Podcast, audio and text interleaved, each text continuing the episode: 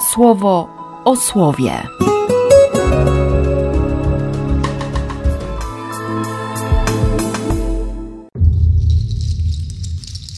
Dziewiętnasty sierpnia, czwartek.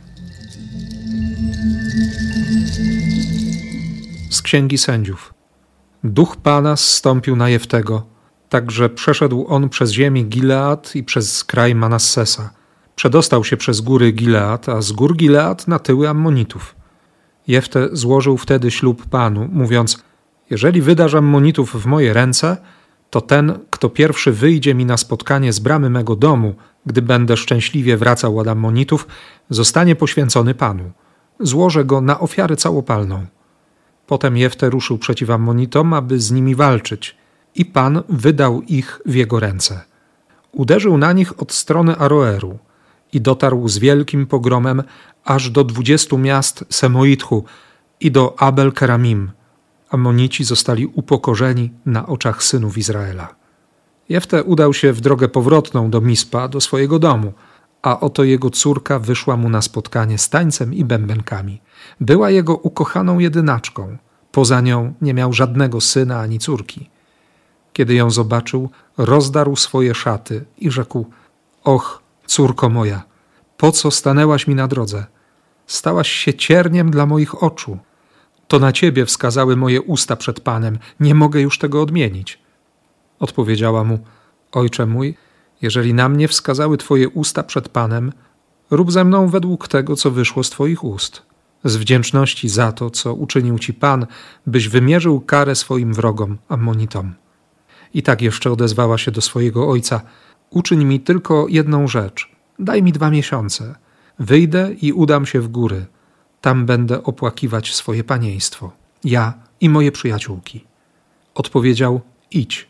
I odesłał ją na dwa miesiące. Poszła zatem ona i jej przyjaciółki i w górach zaczęła opłakiwać swoje panieństwo. Po dwóch miesiącach wróciła do swojego ojca i Jefte wypełnił ślub, który złożył. Ponieważ ona nigdy nie zaznała męża, powstał z tego następujący zwyczaj w Izraelu.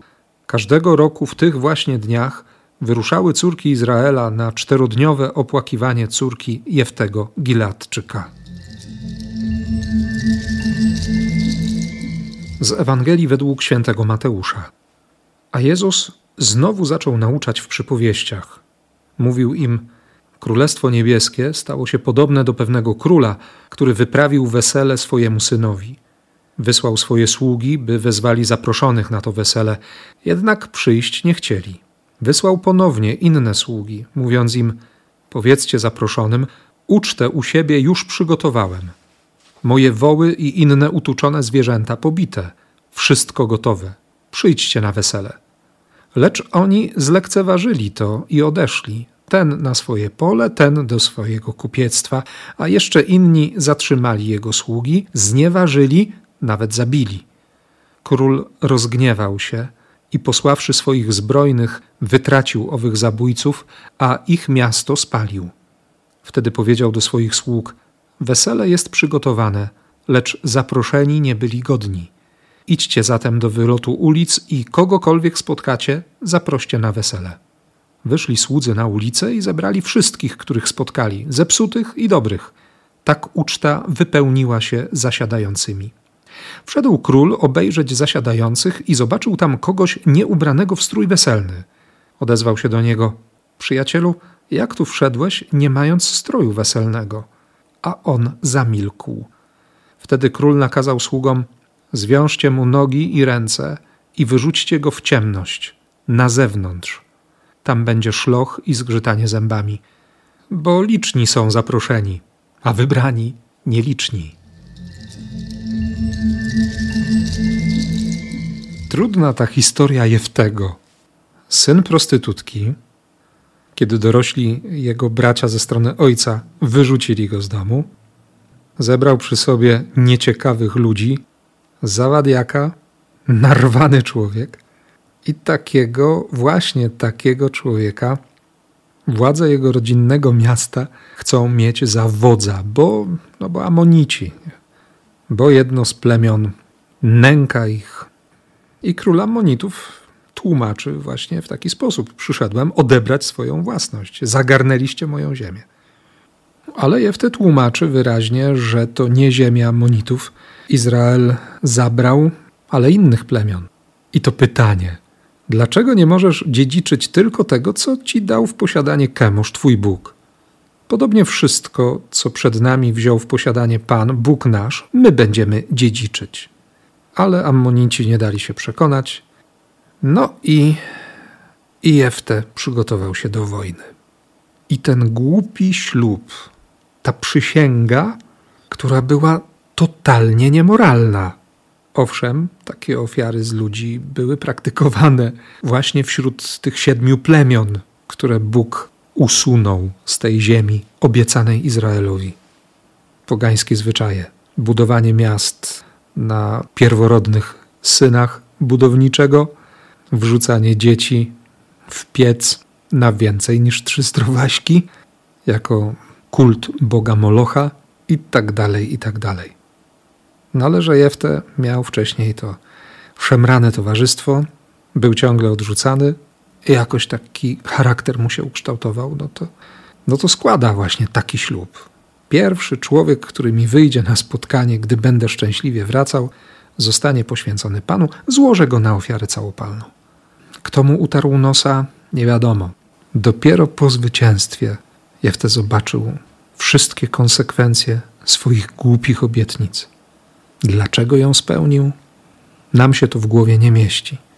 Zresztą, kiedy czyta się późniejsze wersy, przynajmniej tę pierwszą połowę dwunastego rozdziału, to widać już te straszne zapędy w kierunku walk bratobójczych. Walczą ze sobą dwa pokolenia, wyżynają się nawzajem. Straszny czas. Trudno się tam doszukać łaski. Choć mnie to czytanie dzisiaj przywołuje do porządku, jeśli chodzi o, o słowa, o obietnice, o deklaracje, które składam, o te słowa, które rzucam na wiatr, bez opamiętania, często nie przywiązując w ogóle do nich wagi. A słowo, no właśnie, słowo, słowo jest tak ważne. Bóg słów na wiatr nie rzuca. On dotrzymuje obietnic, on jest wierny słowu. I on za słowo trzyma tak, jak jego można trzymać za słowo. Więc po pierwsze, muszę uważać na to, co obiecuję. Zresztą w Ewangelii to niespełnienie obietnicy też się źle kończy. Oprócz oczywistego afrontu, jakim jest odmowa skorzystania z zaproszenia na ucztę króla, na wesele jego syna, to jeszcze do tego potraktowanie posłańców z pogardą, gdzie posłaniec był ucieleśnieniem obecności zapraszającego wydaje się być autentycznym nie tylko strzałem w stopę czy w kolano. To było zwyczajne samobójstwo. Dlaczego Jezus używa takiego obrazu? No, my akurat wiemy, że to jest historia Izraela. Głupota ludzi, których Bóg zaprosił do takiej relacji. A oni mówią: My mamy coś innego do roboty. My Cię potrafimy zlekceważyć. Proroków nie tylko sponiewieramy, nie tylko znieważymy, nawet ich pozabijamy. Ale ciąg dalszy. Wesele przygotowane, zaproszeni nie byli godni. A zatem idźcie do wylotu ulic, kogokolwiek spotkacie, zaproście. I zebrali wszystkich, których spotkali. I dobrych, i zepsutych. I nagle król widzi człowieka, który nie jest ubrany w strój weselny. Przyjacielu, jak tu wszedłeś? Przyjacielu. To nie jest kpina, to nie jest spojrzenie z wysokości majestatu królewskiego. To jest autentyczne szukanie powodu. Adamie, gdzie jesteś? A on zamilkł, nie miał słowa. Nie chwycił się słowa, nie dał żadnej odpowiedzi. Wszedł na ucztę, ale, ale jaka była motywacja? Czy zapomniał języka w gębie, bo, bo się spotkał z majestatem? No to jest pytanie o moją relację z Bogiem, nie? o moje milczenie, o moje motywacje, o moje wszystko, o moją pobożność, o moją religijność, a najbardziej to jest pytanie o miłość, o przyjaźń. Strój weselny? No łaska, nie? łaska i miłosierdzie. Bo skoro zaprosili na rozkaz króla i dobrych, i zepsutych, no to trzeba było przejść przez szatnię. To kiedyś mówił ojciec Pelanowski jeszcze dawnymi laty, że każdy z gości otrzymał szatę. Piękną szatę, można sobie było wybrać najlepszą. A gdzieś na kołnierzyku był po prostu znaczek gospodarza, taki krzyżyk.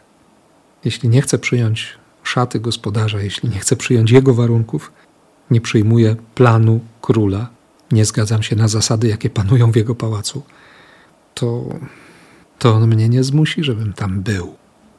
Kiedy go nie będę traktować jak przyjaciela, kiedy nie będzie miłości, kiedy nawet nie poproszę o miłosierdzie, tylko się będę czuł zmuszony. Musisz być szczęśliwy. No, muszę.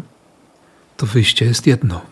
Zwiążcie, wyrzućcie w ciemność, na zewnątrz. Na zewnątrz. Nie żadna kara, nie żadna złośliwość albo bezduszność majestatu. To tylko realne do bólu stwierdzenie faktu. Zaprosił wszystkich. Pytanie, czy się zgodzę na jego warunki? Czy przyjmę jego punkt widzenia? Czy ucieszę się jego pomysłem? Czy zgodzę się na jego miłosierdzie, na jego przyjaźń, na jego miłość? To nie jest zgoda na przetwarzanie danych osobowych, ale zgoda na niebo. I nieba Ci życzę w imię Ojca i Syna i Ducha Świętego. Amen. Słowo o słowie.